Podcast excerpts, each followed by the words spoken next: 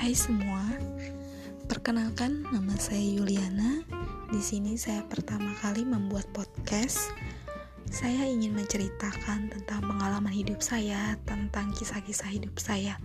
Dan tema untuk hari ini saya menceritakan tentang pengalaman kerja saya selama setahun.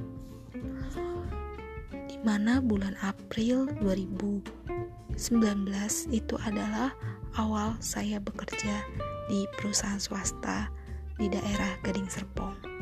Perusahaan saya bergerak saat ini yaitu di bidang mining, fintech, perbankan, bahkan ada bidang hmm, drone dan banyak sekali yang menjadi challenge bagi diri saya untuk